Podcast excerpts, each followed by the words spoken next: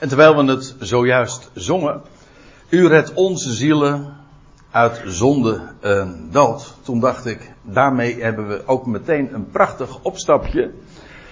Dat was niet eens gepland, naar de inhoud van het Bijbelgedeelte dat we van morgen met elkaar willen bezien. En wel uit Romeinen 6. En de titel welk type onderwijs met een vraagteken is direct ook ontleend aan dit Bijbelgedeelte. Namelijk aan vers 17 van Romeinen 7. Ik moet er trouwens even bij zeggen dat dat dan wel uh, uit een wat letterlijke vertaling is ontleend. Maar we zien dat uh, vanzelf uh, straks nog wel, als dat langskomt. En de vraag is daarbij, en daar gaat het eigenlijk de hele morgen over, ja, welk onderwijs is het nu eigenlijk wat ons opbouwt, wat we in de schrift en wat zoals Paulus dat via hem kwam het immers tot de natie en zoals Paulus dat heeft doorgegeven, vastgelegd, in brieven heeft uh, beschreven en opgetekend. Wat is nou de essentie van dat onderwijs? Niet alleen maar wat is het onderwijs, maar wat is het, het type? Wat is nu eigenlijk de rode draad, om het nog anders te zeggen, van dat wat hij te onderrichten heeft? Nou, ik begin te lezen bij vers 11. Dat is een beetje vreemd misschien, want in de meeste Bijbel weer, uh, Bijbelvertalingen begint dan in vers 15 het uh, andere gedeelte. Maar om de, het verband goed te, zien, denk ik dat we er verstandig aan doen bij vers 11 te lezen. Hoewel dat altijd natuurlijk arbitrair is, laten we wel wezen, per slotverrekening. Er zijn al vijf hoofdstukken en tien versen uh, aan vooraf gegaan. En dat is lastig om dat even te uh, samen te vatten. Dat doe ik ook eigenlijk niet echt. Behalve dan dat Paulus uh, eigenlijk in heel fundamenteel, heel diepgaand heeft uitgelegd wat nu eigenlijk de essentie is van dat evangelie.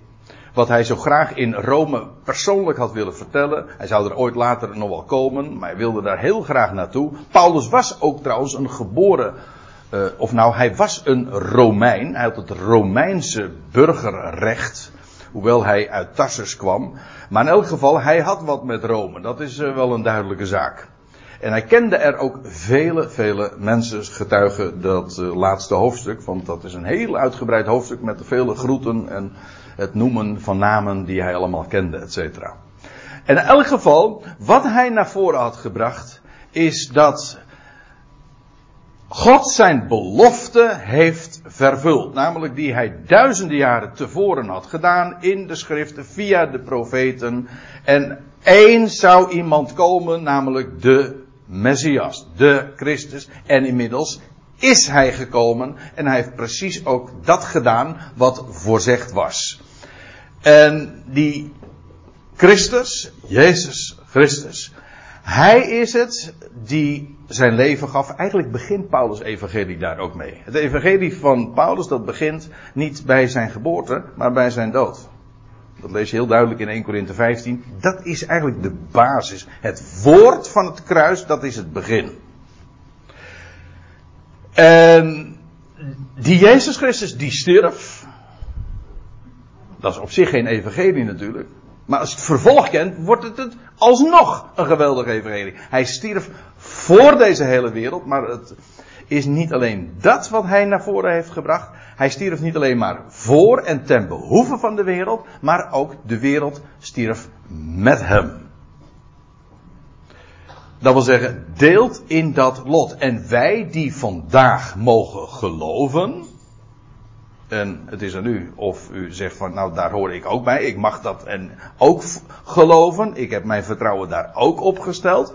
Wel, dan weet je dat je met hem verbonden bent. En hij stierf en wij zijn met hem gestorven. En hij werd begraven en wij zijn met hem begraven. En hij stond op uit de doden en wij zijn met hem opgestaan uit de doden. Zo ziet God ons. Dat is eigenlijk het fundamentele feit. God ziet ons aan in en ook met Jezus Christus. Dat wat wij eenmaal definitief zullen zijn, namelijk opgestaan in een nieuw leven en de, onze definitieve bestemming, zo ziet God ons. Dat is onze identiteit, om zo te zeggen. Dat is wie we zijn. We zijn daar nu in onze beleving naar op weg, maar God ziet ons nu al zoals we straks zullen zijn. Nou, en nou, wat Paulus naar voren brengt is, en dat is feitelijk dus al een conclusie, en dat is die conclusie, dat is nu het uitgangspunt van wat we vanmorgen zullen bespreken, want we gaan helemaal naar vers 23, het einde van Romeinen 6. Tenminste, dat is de bedoeling. En dan zegt hij, zo ook jullie, reken jezelf inderdaad. Want het is, dat rekenen is belangrijk. Het gaat erom, het is misschien niet iets wat volgt uit je waarneming, of uit gevoelens, of uit beleving. Ook niet wat anderen van je zeggen, ook niet wat je ziet in de spiegel. Dat is allemaal niet aan de orde. God ziet jou zo.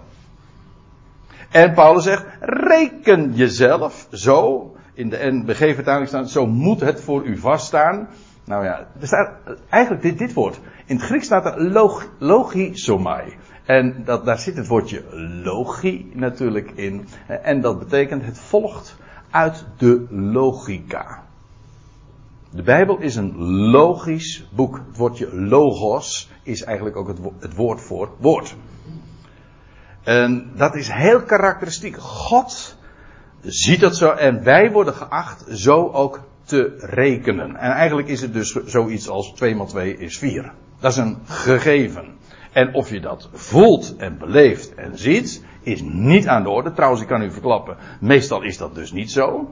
Eh, eh, juist deze oproep is zo actueel en belangwekkend, omdat het juist niet volgt uit wat we meestal voelen. Dan heeft staat er dus volledig los van. We, wij worden geacht op een andere manier te gaan, en dat is het hele idee, dat je heel anders gaat kijken. Waarom? Omdat je ja, de dingen ziet en kent vanuit het woord.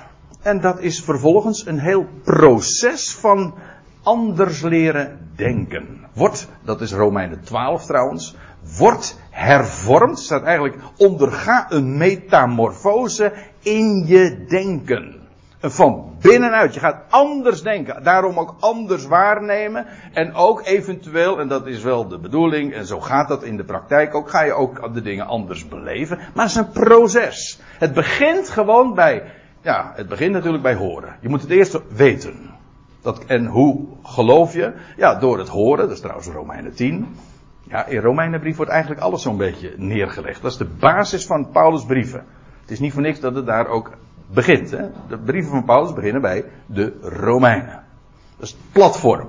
Daarop alles is het verder uh, gebouwd. Het begint bij uh, horen, vervolgens beaam je dat. En dan ja, dan geloof je dat. Dan ga je daar vervolgens van uit. Dan wordt dat je axioma, je uitgangspunt in het leven. En vervolgens ga je dan ook de dingen zo beseffen. Eerst weet je het. Dan vervolgens ga je dat ook beseffen. En ga je dat zo beleven. Nou, dat heeft zijn gevolgen van binnenuit. Vervolgens op je gevoel ook. En je handelen, ja, je handelen, je wandelen, kortom, gewoon je hele, om het duur te zeggen, existentie, je hele bestaan. Nou, zo ook jullie. Reken jezelf inderdaad doden te zijn voor de zonde. Zo ziet God dat dus. En hij zegt doden te zijn voor de zonde. Het is, Paulus leert niet, wat al om wel in, ja ook in christelijke wereld zo geleerd wordt, dat we zouden strijden. De catechismus zegt dat ook bijvoorbeeld, het Heidelberg catechismus of doopformulieren, die zeggen dat we ons hele leven zouden strijden tegen de zonde. Nou, dan heb je dus deze waarheid al helemaal niet begrepen. Het is geen strijd tegen de zonde. Paulus leert dood voor de zonde. Een dode die strijdt niet. Een dode doet sowieso niks. Wel, wat doet een dode dan wel? Nou, die geeft in elk geval geen aandacht. En dat is precies eigenlijk het hele idee. Hoe, wat is onze relatie tot de zonde? Nou, geen. Niet. Dus. Die is er niet. Ik ben dood. En het idee is wat Paulus zegt is, wij strijden daar niet tegen, tegen die zonde. Nee, wij zijn daar gewoon dood voor. En dat betekent, je geeft het geen aandacht, je negeert het. En, en wij heersen, wij regeren door te negeren. Dat, negeren, ja, niet negeren, maar negeren. Dat, dat andere woord mag je niet eens eh, tegenwoordig meer gebruiken natuurlijk. Hè? Regeren door negeren, dat wil zeggen, je bent er de baas over. Waarom? Niet doordat je er tegen strijdt. Al niet als een gevolg van, van jouw conflict of van jouw inzet of van je best doen. Nee, gewoon, je geeft er geen aandacht aan. That's it. It's, that's it. Ik zou kunnen zeggen, it's death. Dat wil zeggen, het is gewoon dood. En, en dat betekent, je geeft het geen aandacht, dat is negeren. Doden te zijn voor de zonde. Maar ja, nu, als je, als je hier een punt zou zetten, dan werkt het niet. Want je kunt natuurlijk niet op commando zeggen, niet denken aan. Hè? Dat bestaat niet.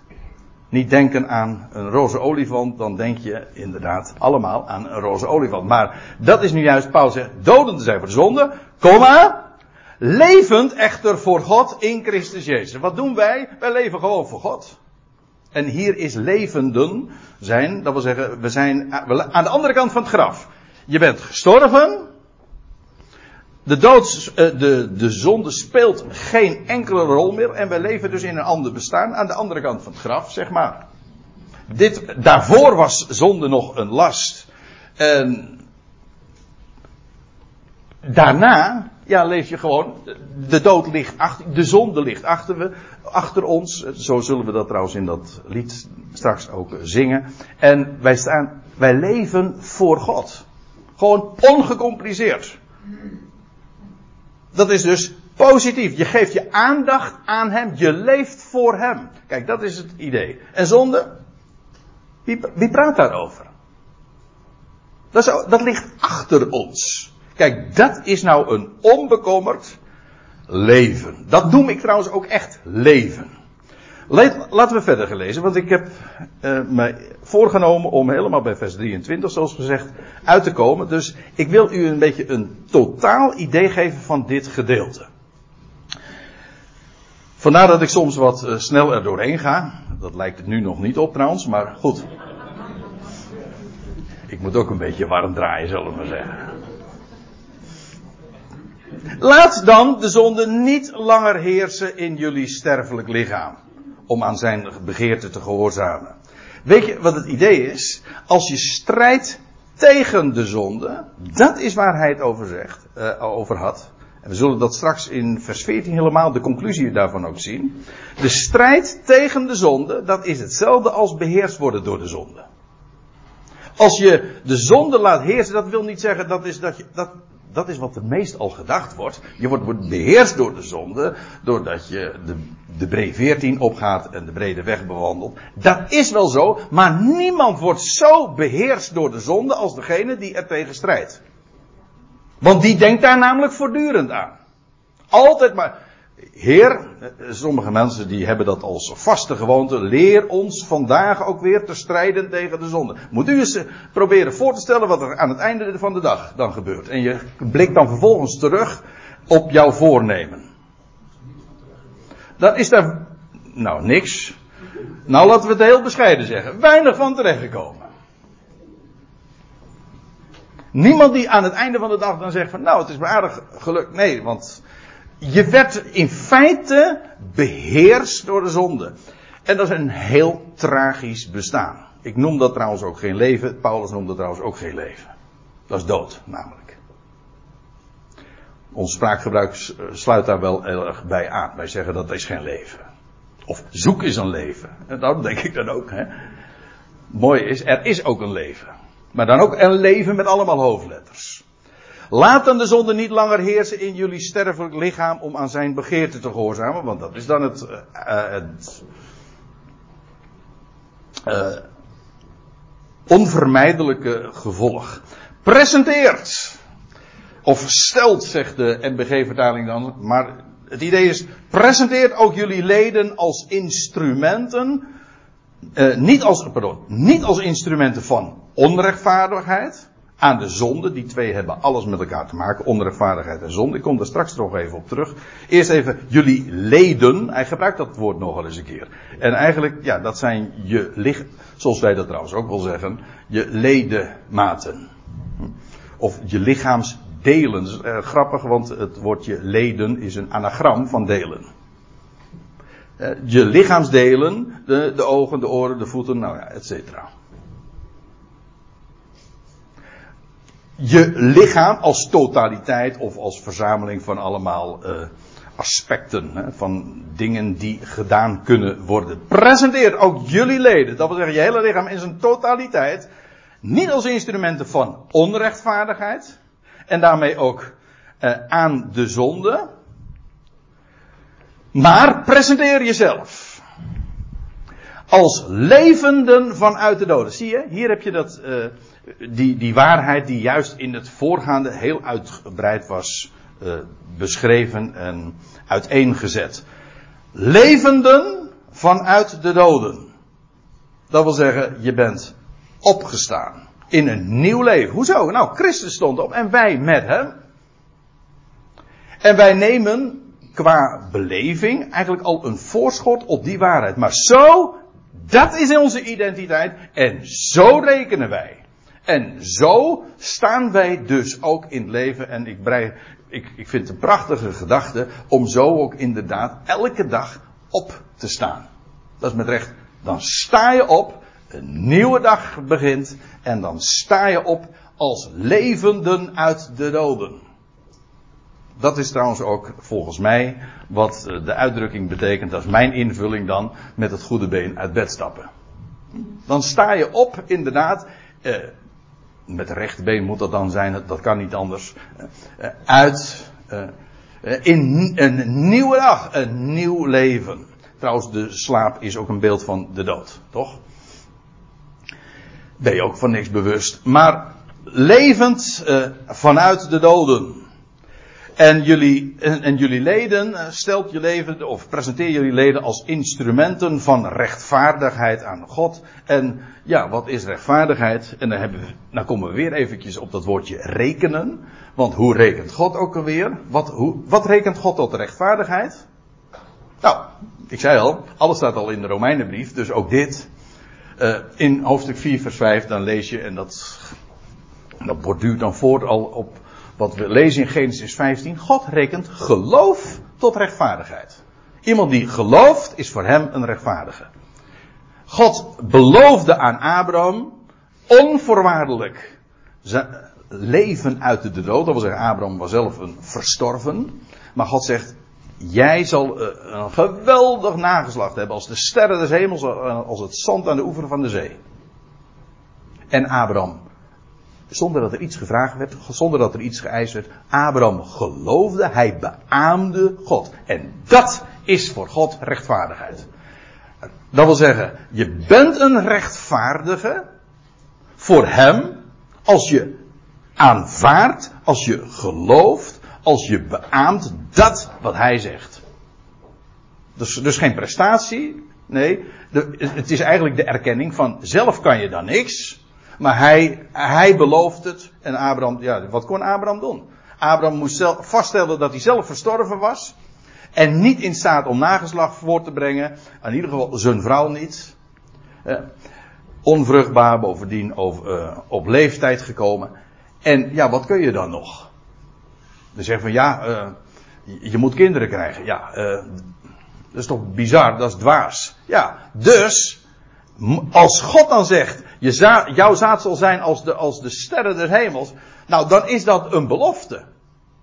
Als u het zegt, nou ja, dan is ook aan u de plicht, hè, God belofte maakt schuld, dan is ook aan u om dat woord te vervullen. Nou, God doet dat ook. En hij heeft dat ook trouwens gedaan. Kijk, dat is uh, rechtvaardigheid. Zo rekent God. Immers, uh, Paulus, zonde zal uh, jullie, zonde zal geen heer van jullie zijn, of zal geen heerschappij voeren over jullie. maar dat betekent dus gewoon, zal jullie niet beheersen. Hoezo? Want jullie zijn niet onder de wet, maar onder genade.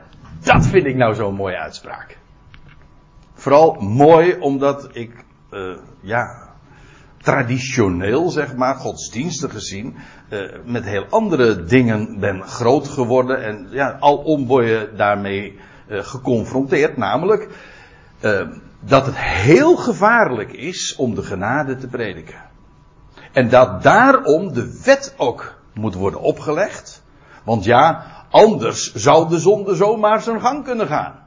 En Paulus keert het hier precies om. Hij zegt, immers, zonde zal geen heer van jullie zijn. Hoezo? Nou, want jullie zijn niet onder de wet, maar onder genade. Met andere woorden, wie onder de wet is, juist die wordt beheerst door de zonde. Dus het is precies omgekeerd van wat alom verteld wordt. Ik hou van dat soort, uh, ja, uh, van dat soort contrasten. Dat precies andersom is, dat is trouwens in het algemeen met de Bijbelse dingen. Het is altijd precies andersom als dat men je probeert wijs te maken. En het is ook logisch, want ja, de wet zegt, je zult niet. Hè, trouwens, Romeinen 7 gaat er ook over.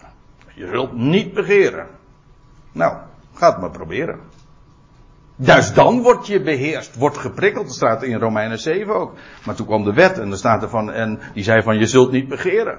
En toen werd de wet, u, weet toch, u weet toch allemaal, en dat, elk, dat is een opvoedkundig uh, ABC-regel zal ik maar zeggen. En dat is dat uh, de wet de prikkel der zonde is. Op het moment dat je zegt dat mag je niet doen, dan wordt dat in alles juist geactiveerd. Dus eigenlijk is dit ook nog eens een les pedagogiek. Als het erop aankomt. Doe dat niet. Maar de, kijk, over type onderwijs gesproken. Dit is de, de waarheid. De waarheid is, ja, genade. Want we zijn niet onder de wet. Dat prikkelt de zonde, dat is één ding. En daardoor wordt de mens ook beheerst door de zonde. En wat Paulus nu vertelt, is de boodschap van genade. Dat wil zeggen, genade betekent vreugde om niet. God maakt ja, ons blij. Ja, zonder uh, enige tegenprestatie. Want het woord charis, genade, dit woord. Charis, dat betekent. Dat was eigenlijk een algemeen Grieks woord. En dat betekent dus alles wat blij maakt. Zonder dat het iets kost. Zoals je vanmorgen de, het huis uitstapt. De hemel is blauw. De zon die schijnt. En wauw, wat mooi is dat. of je. Nou ja, er zijn zoveel dingen. Dat is charis in het leven. Zo, maar je krijgt het en het maakt je blij, het, verheugt je, het geeft licht in de ogen, heerlijk. En je krijgt het zomaar. The best things in life are free. En dat geldt, dat is hier ook zo. Die krijg je. Daar kun je niks voor betalen. En soms mensen die geld in overvloed hebben, die zouden er een, bij wijze van spreken, hun hele vermogen aan willen geven. En, maar het is niet te koop. Je krijgt het. Ja, of niet. Maar in ieder geval, het is free. Het is niet te koop. En dit is genade. Als je werkelijk God mag kennen. En dat de boodschap van genade. Dat hij de schepper is van deze hele wereld. Dat is op zich eigenlijk al. Daar zit eigenlijk alles al in besloten. Maar daarom dat hij de schepper is. Is hij ook de redder van deze hele wereld. Ja, want hij laat niet varen het werk van zijn handen. Hij houdt daarvan. Hij heeft deze wereld lief. Dat is genade. Nou, als je dat leert zien. En kijk, wet zegt wat je moet doen. En vooral wat je niet mag doen. Genade vertelt niet wat je moet doen. Maar vertelt eigenlijk, joh, die gaat er eigenlijk al op voorhand van uit. Jij kan dat helemaal niet. Maar is ook helemaal geen probleem. Want jouw onvermogen stelt mijn vermogen eh, niet buiten werk. Integendeel. Want als jij het niet kan, nou kijk omhoog, Sammy. Kijk omhoog. Want ik kan het. Ik, sterker nog, ik doe het ook. Reken daar maar op. Kijk, en dat is genade. En maar dan heb je ook echt een leven. En dan word je gewezen niet op wat jij moet doen, maar wat ooit is gedaan en wat is gebeurd en wat is volbracht. Gewoon over. Het is, het is volbracht. En dat hij niet alleen maar stierf voor jou en daarmee Gods liefde bewees. Zoveel houdt hij van jou. Maar ook dat jij met hem bent gestorven. En dat je datzelfde leven wat hij aan het licht bracht, dat dat jou ten deel valt, gewoon. Of is gevallen, het is maar net hoe je het zeggen wil. Kijk, dat is de waarheid. Dat is genade. Dan, dat is genade. En dan is, ligt de zonde inderdaad achter je. Wat moet je ermee? Nou, helemaal niks. Daar wil ik daarom ook niet te veel woorden aan vuil maken. Maar het gaat even om het contrast duidelijk te maken. Wat dan? Nou, want dat, de mens zou de mens niet zijn als hij daar dan toch weer wat tegen in weet te brengen. Dit is een typisch godsdienstige, religieuze, zo u wilt vrome, tussen aanhalingstekens, tegenwerping. Wat dan? Zullen we dan zondigen omdat we niet onder de wet zijn, maar onder de genade? En dan, dat is typisch Paulus, hè? hij zegt dat nog eens een keer in de, met name deze brief. Mogen dat niet zo worden? Of uh, de MBG-vertaling zegt ook, en ik denk dat dat eh, volledig terecht is, volstrekt niet. En volstrekt betekent niet van, dit is uh, een stoute conclusie. Nee, het is een foute conclusie. Dat is, heel, dat is heel wat anders. Het is niet zo van, oh, dat mag je niet zeggen, mag, of dat mag je niet concluderen. Nee, het slaat gewoon nergens op. Dit is gewoon Nederlands dus, hè. Dit slaat nergens op. Dit is bizar, dit is absurd. Hè? Want het idee nam dus de vooronderstelling is. Zullen we dan zondigen omdat we niet onder de wet, maar onder de genade zijn? Het, de vooronderstelling, het idee daarachter is. dat zonde dus aantrekkelijk is. Want dan zou je niet op het idee komen. Iets wat onaantrekkelijk is, zeggen we nou, oh, dan, dan kunnen we dat toch gaan doen. Dat, dat is toch bizar? En dan weet je trouwens ook niet eens wat zondige is, want zondige betekent, de, het, zowel in het Hebreeuws als Grieks, in onze taal komt dat misschien niet zo uit de verf, hoewel, als je een kopje uit de handen laat vallen, dan zeggen we het alsnog. Hè? Als, je, als het een duur kopje is, of als, de, of als de, de, koffie er nog in zat, zonder dat je het opgedronken had. Zonde! En de grap is, de grap is, dat deze alledaagse versie en uitleg van het woord zonde vele malen beter is dan die in de handboeken gegeven wordt. Want dit is de essentie inderdaad van zonde. Het is, ah, dat mist doel. Dat is een misser. En dat is het. Dus hoe kom je op het idee? Dat is, een, dat, is een, dat is bizar, dat is belachelijk, dat slaat nergens op.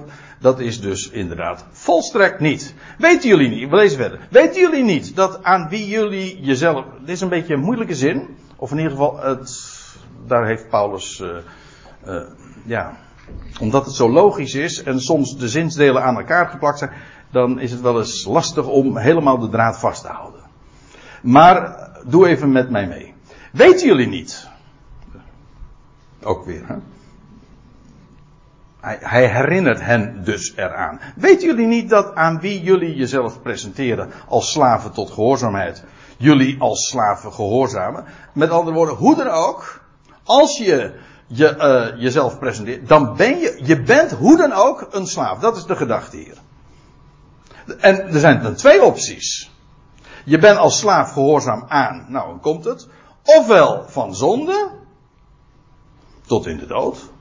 Of van gehoorzaamheid. Hè? Je bent dus of een slaaf, je zit vast aan de zonde, met als resultaat hè, de dood, tot in de dood. Of van een slaaf van gehoorzaamheid, dat wil zeggen aan zijn woord, en het resultaat daarvan is rechtvaardigheid. Het, het is het een of het ander. Meer, meer smaken zijn er niet. En daaraan zit je vast, dus ook. Slaaf, dat, uh, dat moet ik er eigenlijk even bij zeggen. Dat is misschien eventjes een hobbel die wij dan, westerse mensen, anno 21ste e- eeuw, moeten nemen. En dat is dat wij bij het woord slaaf altijd een negatieve associatie hebben. Dat is in de Bijbel niet zo. Of althans niet per definitie zo. Een slaaf, ja, sowieso, dat was een gegeven, maar was ook niet per definitie een negatief ding. Wij denken dan terug meteen aan de, de 17e, 18e eeuw en dat het is afgeschaft, de slavenhandel. En, maar het hele concept van slaaf, trouwens in de, in de Hebreeuwse wet was het, uh, ja, dan was je slaaf maximaal zeven jaar. Daarna was je officieel gewoon weer vrij in principe. Maar een, het idee van slaaf is, je bent iemands lijfeigen. Je bent het eigendom van. En ja, wat is daar mis mee? Om het eigendom te zijn van. Het, de vraag is eigenlijk, uh, wiens eigendom ben je? Wie is je eigenaar? Want als je namelijk een hele goede eigenaar bent, hebt, sorry, dan is het heel mooi om het eigendom te zijn van. Want het grote voordeel, om meteen maar eventjes uh, dat te noemen en te benoemen, is, dan ben je namelijk ook voor rekening van. En dan staat hij ook garant voor jouw verzorging. Want ja, als ik iets heb, in feite is het zo dat alles wat jouw bezit is, is eigenlijk dus jouw slaaf. Oké, we gebruiken het meestal alleen maar voor, als aanduiding voor mensen. Maar een sla, slaaf is iemands bezit. En als je nou, ja, als je nou het bezit van iemand bent, van een eigenaar die goed voor je is en die je alles geeft en die je verzorgt en die, nou, dan zou ik zeggen van, uh, dat, uh, dan ben je, dan is je kostje gekocht. Leuk, leuk als ik het zo zeg, want dat is inderdaad ook zo. Dan is je kostje gekocht, want dan ben je inderdaad voor zijn kosten inwonen. Dat regelt hij allemaal. Is, heb je, dat is een hele zorg minder dus. Want hij is mijn eigenaar. Het hele idee bij het woord heer is ook, hij, ik ben van hem. En hij zorgt dus ook voor mij. Maar hier worden eigenlijk in dit gedeelte, in mijn Bijbel staat het trouwens ook boven in de MBG-vertaling, tweeërlei dienst. Het idee is, ja, je hebt twee, ja, je bent of slaaf van het een, van de zonde, maar dat, de, de zonde wordt dus voorgesteld nu als, als een metafoor, als een, als een, dus een, eigen, een slaafeigenaar. Nou, en dan heb je ook de slaven-eigenaar, de schot, of zijn woord, of de rechtvaardigheid. Dat is die andere eigenaar. En die worden tegenover elkaar gezet. En die worden uh, ja, gecontrasteerd. Hoe slecht de ene is en hoe, hoe goed de ander is. Maar een slaaf ben je hoe dan ook. Je zit ergens aan van. Je bent eigendom van. Dat vinden wij al heel lastig. Hè, want ik ben, ik ben helemaal van niemand. Denken we dan. Dat is onzin natuurlijk. Want zelfs als je, niet als je dat denkt dan, uh, ja, je, je, je, zit toch vast aan. Of was het maar dat je een sterveling bent.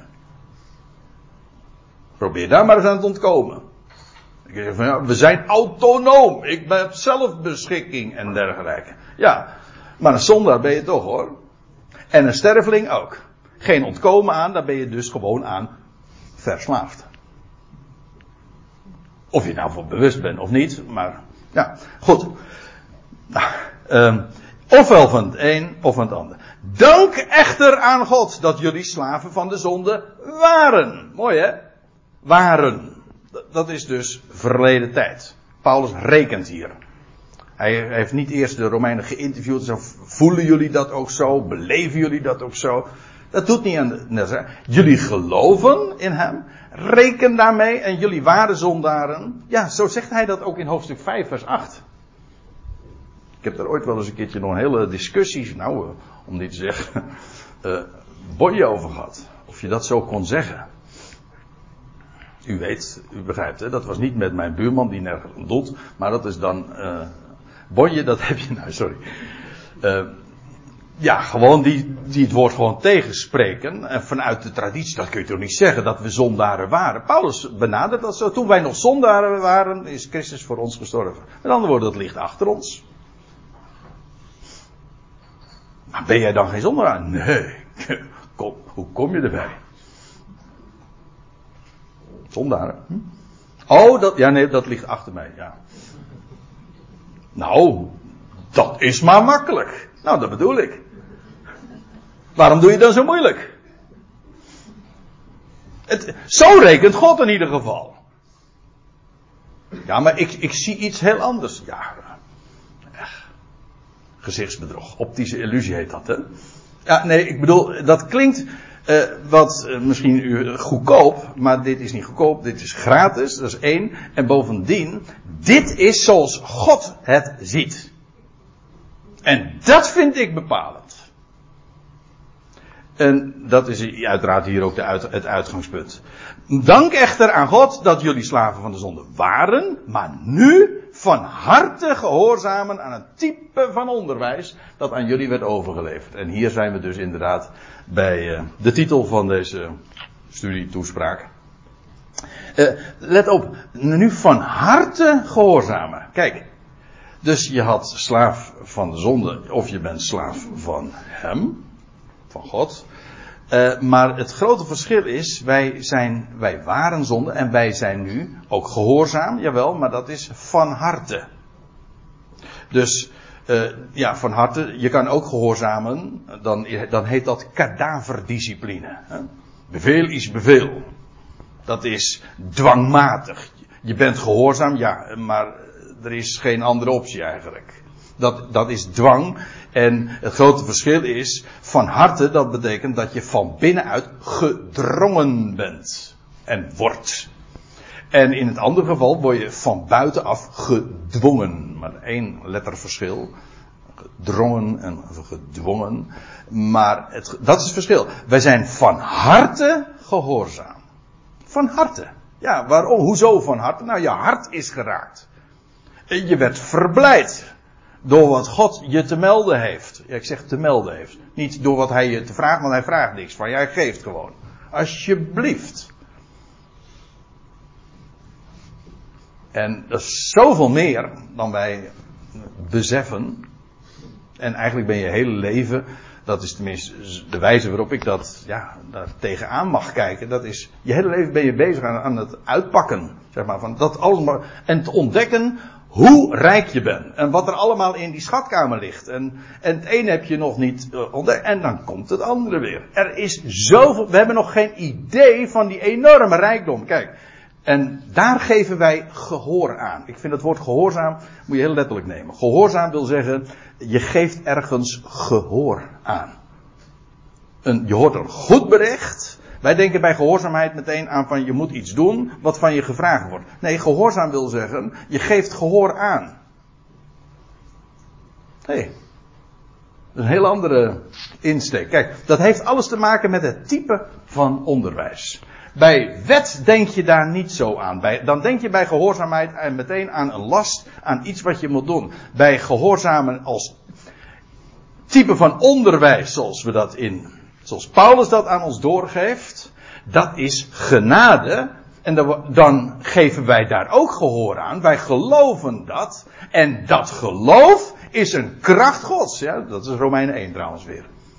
Het is een, evangelie is een kracht gods tot geloof. En dat op het moment dat je het beaamt, verandert dat je van binnenuit. Dat is waar. Maar waarom? Ja, omdat je gehoor geeft aan een bericht, aan een mededeling. Dat type van onderwijs, dat is genade. Dat is, uh, ge, want genade onderwijst ons. En dat was aan de Romeinen overgeleverd. Paulus was zelf nooit uh, tot dusver niet in Rome geweest. Dus die, Ecclesia was ontstaan buiten Paulus om, maar het was hen overgeleverd. Uh, dat wil zeggen, het was hen doorgegeven. Maar dat type van onderwijs, zoals Paulus dat uh, neerlegde, dat kenden zij inmiddels dus. En daardoor was die Ecclesia, die gemeente, ook ontstaan. Trouwens, ik verwijs hier naar Titus 2. Dat is dat woord waar staat: De genade Gods is verschenen. Redding voor alle mensen. En die onderwijst ons. Die genade onderwijst ons. En dat is het type onderwijs. Ja, waar Paulus het hier over heeft. En wat waaraan we gehoor geven en wel van harte. Logisch, want dat is precies wat het ook aanspreekt. En jullie die vrijgemaakt worden. Eerst was het uh, hervormd worden in je denken en hier worden we vrijgemaakt. En u zegt, hoe zit dat nou met die kerkkeuze? Nou, gelukkig, de meeste van de, van aanwezigen die uh, begrijpen deze woordspeling en dat moet u vooral zo houden. Uh, maar goed, uh, het gaat hier niet over denominaties, het gaat over wat God doet.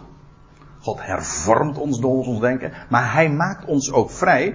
Dat is trouwens, eh, om het even grammaticaal te zeggen, dat is onvoltooid tegenwoordige tijd. Er staat in de MBG-vertaling staat er vrijgemaakt. Dat wil zeggen, het wordt als een voltooid feit neergezet. Dat is niet wat het is. Het is een, het is uh, iets wat gebeurt. Hij maakt ons vrij. En er is nog iets, dat zie je. Eh, we worden vrijgemaakt. We maken onszelf niet vrij. We bevrijden onszelf niet. Of we maken ons niet los of zo van de zonde. Dan ben je, als je dat trouwens doet, ben je weer bezig met die zonde. Ik probeer daar vrij van te komen. Nee, het is passief. Ik bedoel trouwens ook. Uh, het is geen uitleg, het is gewoon. Is de grammatica. Als je zegt van. Uh, als je dat woord wil, eh, of dat begrip wil benoemen. Dan staat hier gewoon als grammaticale kenmerk. Het is een uh, onvoltooid tegenwoordige tijd en het is bovendien passief. Het overkomt je. Je wordt bevrijd. Dat doe je zelf niet, dat gebeurt.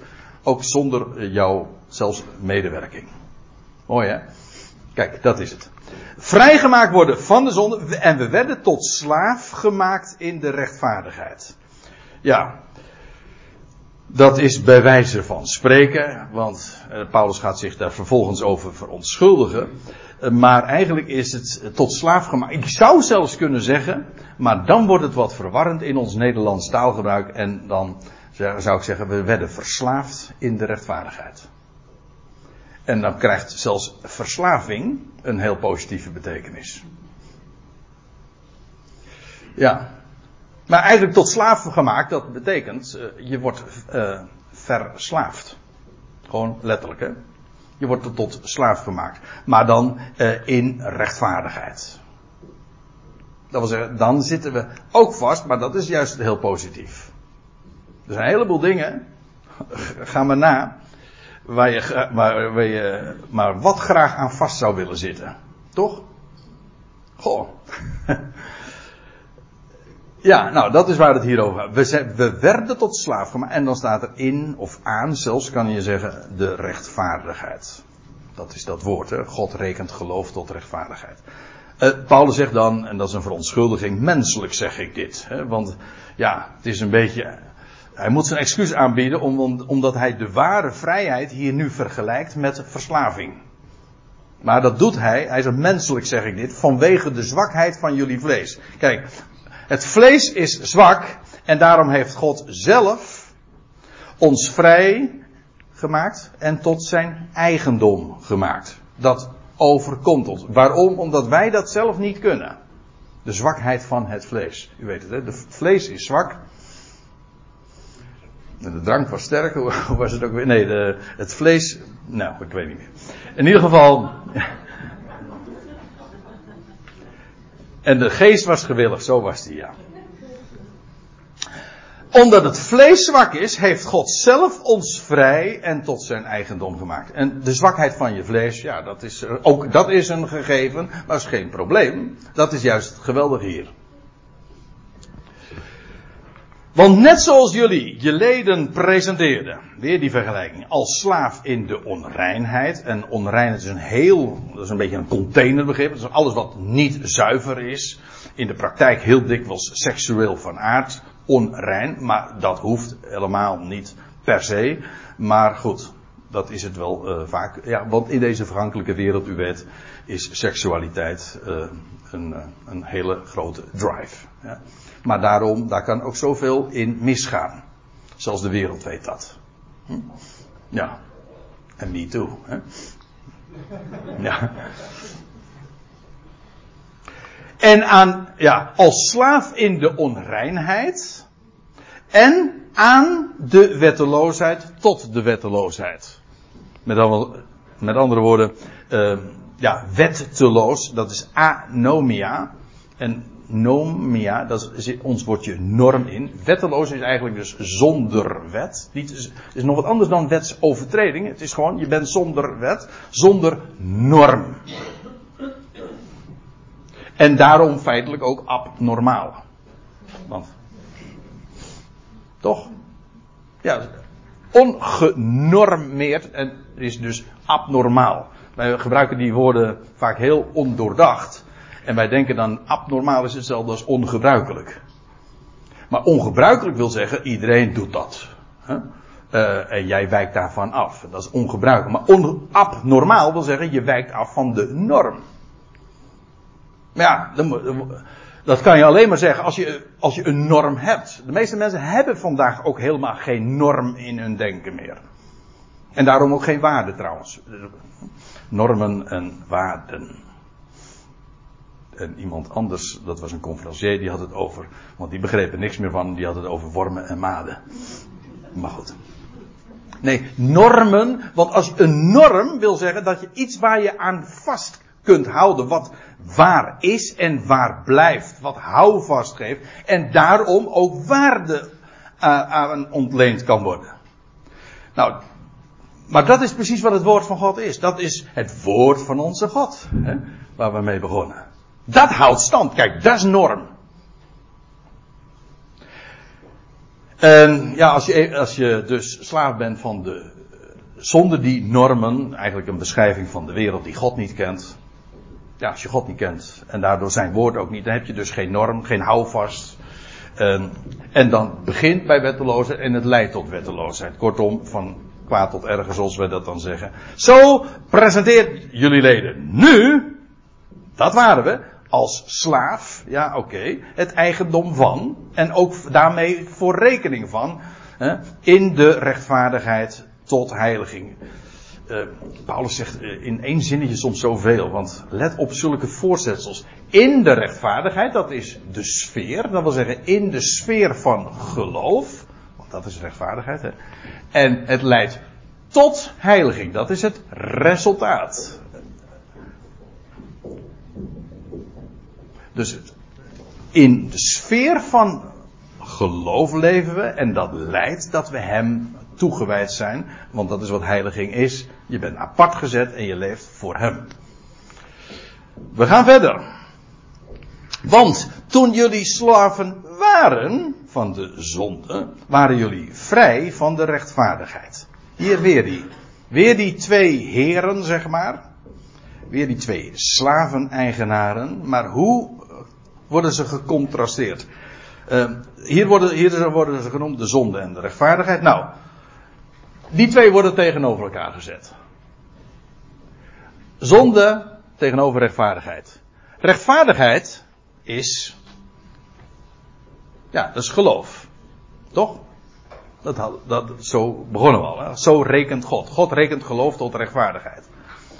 Die link moet je gewoon in je denken ook leren maken. Als je de Bijbel leest, je leest rechtvaardigheid, dan lees je dus geloof. Dat is de Bijbelse definitie. Maar als dat zo is, dan kunnen we dit woordje vervolgens ook invullen. Want als rechtvaardigheid geloof is, en het staat tegenover zonde, dan is zonde dus ongeloof. Ja, logisch hè? Toch? Nou, jullie waren slaven in het ongeloof. Dat was, je kende het woord niet. Of je wantrouwde het woord, maar dan ken je het ook niet. Wel, toen waren jullie vrij van de rechtvaardigheid. Het is één ook weer of het ander. Nou, en nou zegt Paulus, denk nog even terug. Voor het gemak. Of, uh, nou voor de aardigheid weet ik niet. Uh, nee, want hij zegt dingen waarover jullie je nu schamen. Dus dat doe je niet uh, voor de aardigheid. Maar goed, wel om het even goed door te hebben waar het eigenlijk om gaat. Wat voor vrucht hadden jullie toen? Toen jullie sla want toen jullie slaven waren van de zonde waren jullie vrij van de rechtvaardigheid. Want dat kenden jullie toen nog niet. Nou, was je toen vrij van, hè, als je dat vrij wil noemen. En wat voor vrucht hadden jullie toen dan? Wat leverde dat op? Wat bracht dat voort? Nou, zegt Paulus, als je daar goed over nadenkt, dan stijgt het schaamrood je naar de kaken. Dingen waarvoor je je nu schaamt. Geneerd, hè? Zijn zo van die dingen die, die er dan, als je daar dan vervolgens uh, dan weer aan terugdenken. Denk, oh nee, hm? alsjeblieft. Want het einde daarvan is dood. Slaven van de zonde. En weet je wat het. Eigenlijk wat hij feitelijk zegt. Als je slaaf bent van de zonde. Weet je, dan heb je wel een verleden. Maar toen had je geen toekomst, want je had geen leven. En dus was je dood. Maakt u dit met mij mee nog? Hè? Eh, je had je, dingen waarover je je nu schaamt, dat wil zeggen, je, je hebt een verleden waar je dus eigenlijk niet eens aan wil denken. Je had een verleden toen, maar je had geen toekomst. Nee, want je kende God niet. En, en dus, ja, en het einde daarvan was ook gewoon de dood. En trouwens, het hele bestaan is dood, want het is geen leven. En feitelijk is dat ook een beschrijving van de wereld die God niet kent. Als je, ik bedoel God niet kent, ik bedoel niet die godsdienstig is. Nee, het is een beschrijving van de wereld die het woord, het goede bericht van God niet kent. Als je dat niet kent, ja, dan heb je alleen maar een verleden. En dan moet je feitelijk ook, uh, ja, je in dit bestaan maar verdoven. Maar na die verdoving, dan is daar, blijft daar over. En dan heb je alleen maar dat verleden. En Paulus zegt, en wat, heb je, wat had je voor de boeg? Nou, dood. En feitelijk is dat ook een beschrijving van, ja, van de wereld. En die zeggen dan van, eh, laten we eten en drinken. En dan denk je van, nou, dat klinkt, dat klinkt vrolijk en frivol. Ja, maar het is nep. Want het is een maskerade. Het, is, het probeert namelijk te maskeren hoe tragisch dit bestaan is. Laten we eten en drinken. Ja, waarom? Niet omdat, omdat er iets te vieren valt. Nee, want morgen sterven we. Nou, dat is optimisme, zeg. Dat is, en dus, feitelijk, wat je dan doet, die vreugde die, het, die je dan uh, vervolgens denkt te moeten gaan maken, dat is geen vreugde, dat is in feite niks anders dan verdoving om de pijn, de tragiek van je bestaan niet te voelen. En daarom, er is zoiets geweldig. Als je werkelijk een blijde tijding kent, dan leer je God kennen, dan heb je een toekomst en dan. Ja, dat is eigenlijk het verschil. Eerst had je een verleden, maar geen toekomst. En nu hebben we een toekomst en geen verleden meer. Voilà. Nu echter worden jullie, worden jullie, weer het proces, onvoltooid, vrijgemaakt van de zonde. Maar ook weer die Passieve vorm. Dat wordt. Dat gebeurt aan jullie. Je wordt daarvan vrijgemaakt. Door dat woord word je daarvan vrijgemaakt. Maar tot slaaf gemaakt bij God. Of eventueel zelfs kun je. Je kunt vertalen. Een slaaf gemaakt. Uh, verslaafd aan God. Dat zou een perfecte vertaling zijn. Alleen. Nou ja. In het Nederlands heeft dat misschien wat negatieve associaties. Maar we zijn verslaafd aan God. En toch bij nader inzien, ik hou ervan om er zo aan te denken. Ik ben er. Ik kan er niet vrij, ik kan er niet los van komen. Als je eenmaal dat woord hebt leren kennen, dan, dan, dan kan het zelfs gebeuren. Door omstandigheden. Dat je er alsnog van los probeert te komen. En je komt er niet meer los van. Kijk, dat, is nou, dat noem ik nou positieve verslaving. Want God weet je namelijk altijd weer te vinden. En dat woord, als dat eenmaal gehaakt, aangehaakt is bij je hart, dan kom je er never nooit meer vanaf. Dan ben je, zegt de schrift ook, dus Rome, Efeze 1, dan, word je, dan ben je verzegeld met dat woord. Kom je niet meer vanaf. Dat is onaantastbaar. Dat is, dat is wat het woord doet. Maar nu tot slaaf, verslaafd aan God. Ik, ik hou hem erin. En hebben jullie je vrucht tot heilig. Vrucht is ook trouwens ook weer nieuw leven. In heiliging. Daar hadden we het al over. Kijk, dat is dus nu de vrucht, heiliging. Je leeft, je hebt een doel om te leven. Je leeft dus echt. Namelijk voor hem. En dat, en jullie einde is ionisch of eeuwig leven. En dat leven, dat is, zo stelt Paulus dat altijd voor, dat is het leven van die toekomende eeuw. Dat is toekomst dus. In zekere zin kun je ook zeggen dat is nu. Omdat we dat leven van die toekomende eeuw nu al kennen. Maar dat Ionische leven, dat leven van die toekomende eeuw, dat is toekomst. Dat is het voorrecht dat degene die vandaag mogen geloven ten deel valt. Uiteindelijk wordt het leven het deel van heel de schepping, maar van de toekomende eeuwen, dat zullen zij die vandaag mogen geloven ten deel vallen om daarin een geweldige taak nog uit te oefenen. Want wij zijn daarin instrumenten voor God. Ja, ik aarzel even om daar wat meer over te vertellen, maar dat doe ik niet. Want, uh, maar het gaat erom, nu heeft ons leven zin. En wordt het heilig, een heilig leven. Dat wil zeggen, gericht op Hem. En het einde daarvan is Ionisch leven. Kijk, want, en nou gaat hij weer dat contrast, en dit is het laatste vers van Romeinen 6. Want het rantsoen van de zonde is dood. In de meeste vertalingen staat hier. Uh, nee, nee, dat is trouwens niet helemaal waar. De Statenvertaling zegt de bezoldiging. Uh, de MBG-vertaling zegt loon. Dat is niet juist, denk ik. Het is namelijk. Een, een slaaf krijgt geen loon, hè? Een slaaf krijgt rantsoen. Gewoon. Uh, het, woord voor loon is trouwens ook een ander woord. Woord kent het Nieuwe Testament ook. Maar dat is gewoon een ander woord. Hier wordt een woord gebruikt. Dat is, uh, ja, dat staat voor levensonderhoud. Hè? Proviant, kost, soldij. Gewoon, dat krijg je. Nou, de zonde, dat is, die wordt voorgesteld als zo'n heer. Nou, de mens in het algemeen van natuur, van, Adam, van Adams huis uit, is, uh, is die Heer. En wat geeft hij als. Uh, wat is levensonderhoud? Wat is het rantsoen dat hij geeft? Nou, dat is dood. Dat wil zeggen, dat is geen leven. Waar de zon de Heer is, heb je geen leven. Nou, dan ben je. Dat is mooi zeg. Dat is die slaven-eigenaar. Maar het genade-effect van God.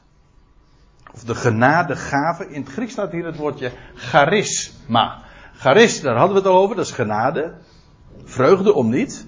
En dat woordje ma, dat uh, is in het Grieks een uitgang. Dat wil zeggen dat het duidt op het effect van. Het is dus de uitwerking van genade. Genade werkt iets uit. Heeft een bepaald effect. Wel, dat is het type van onderwijs. Wij zijn onderwezen door Gods genade. En dat heeft een effect. Ja, wat is het genade-effect van God? Nou, dat is uh, Ionisch leven in Christus Jezus. En dat is, Hij is onze Heer.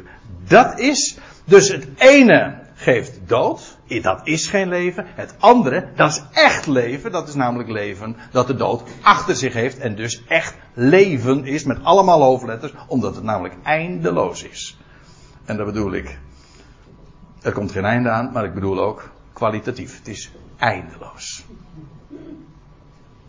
Het is een eindeloos leven. Dat is wat God geeft. Dat is genade. Dat is het type onderwijs zoals we dat uh, ja, in het Nieuwe Testament tegenkomen, zoals we dat van Paulus hebben vernomen.